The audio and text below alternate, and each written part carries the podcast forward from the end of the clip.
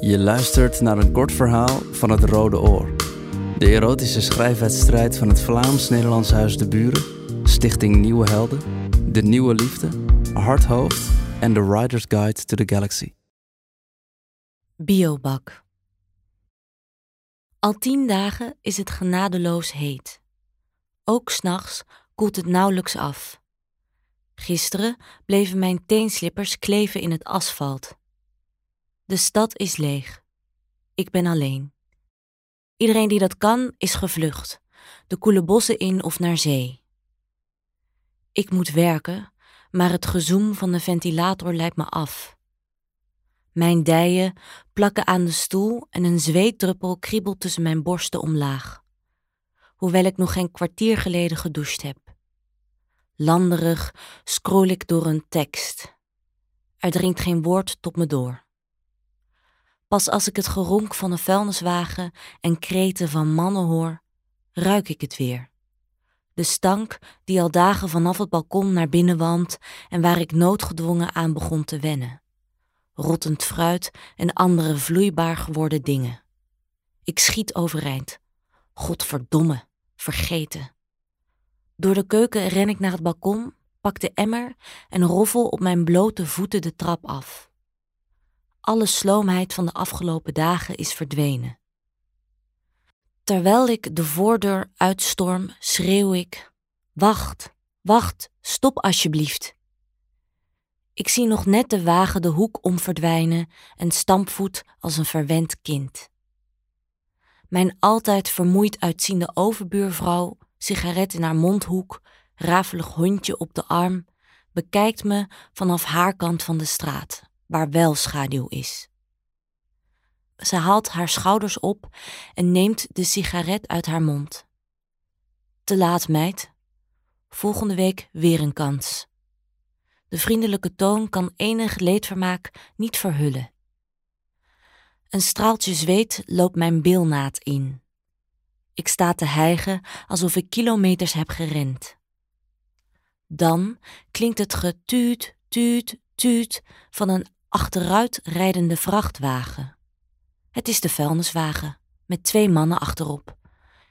Een knappe met krullen en een met rode stekeltjes. Als ze ongeveer tien meter van me verwijderd zijn, maakt de rooie zich met een soepele sprong los van de wagen. Door het fluoriserend geel van zijn hesje, waar hij niets onder draagt, oogt zijn witte huid extra naakt. De aanblik ervan doet me duizelen. Hij danst naar me toe en maakt een overdreven buiging. U riep madame? Hij zweet niet, geen druppel. Ik gebaar naar de bak. Daar wilde ik graag vanaf. Mijn stem klinkt schoor. Ik bezie mezelf door zijn ogen. Een dampende vrouw in een kreukelig kort jurkje, het haar slordig opgestoken. Daar zijn we voor. Hij pakt de bak op, leegt hem in de open muil van de wagen en zet hem terug op de stoep, net niet tegen mijn blote tenen. Hij knipoogt naar me, grijnst een spleetje tussen zijn voortanden bloot. Ik krijg het nog warmer. Beschaamd over de smerigheid waarmee ik hem heb opgezadeld, mompel ik dankjewel. Zijn maat roept: Adam, schiet op. Weer een buiging, sprong op de wagen, schreeuw naar de chauffeur en weg is hij. Als ze opnieuw de bocht nemen, kijkt Adam om en zwaait. Te laat steek ik mijn hand op. De overbuurvrouw staat nog precies op dezelfde plek te kijken. Het hondje zit nu naast haar te wachten. Met een vinnige draaibeweging van haar goudkleurige muiltje tapt ze haar peuk uit. Adam. Die hele week zie ik hem voor me als ik zwetend achter mijn laptop zit. Zijn sproetige armen waar donkerrood okselhaar onder vandaan krult, het spleetje tussen zijn tanden. Ik voel hoe zijn handen mijn billen omvatten als hij achter me aan de trap oploopt. Even later knielt hij op bed tussen mijn benen. Zijn geslacht priemt vastberaden onder het hesje uit. Eerst likt hij me, gulzig, terwijl zijn vingers hogerop mijn tepels hebben gevonden. Ik word vloeibaar. Als hij in me komt, klotst het. Ik hou me vast aan zijn harde kont. Met ernstige lustogen kijkt hij me aan. Ik sluit de mijne. Zijn stoten laten mijn hoofd bonken tegen het uiteinde van het bed. Hij hijgt in mijn oor. Madame, daar zijn we voor. Kreunend vinger ik mezelf klaar. Dan gaat het regenen, dagenlang. Een wolkbreuk gevolgd door aanhoudende buien. De kelders lopen onder. Alles spoelt schoon, maar de witte verf op mijn bruine biobak blijft zitten. Adam, bel Eva 06 27 55 9601. Niemand belt en de rooien zie ik niet meer. Ik overweeg een nieuwe bak aan te vragen bij de gemeente, maar uiteindelijk laat ik dat. Andere mensen hebben een sticker op het deksel geplakt of hun huisnummer erop geschilderd.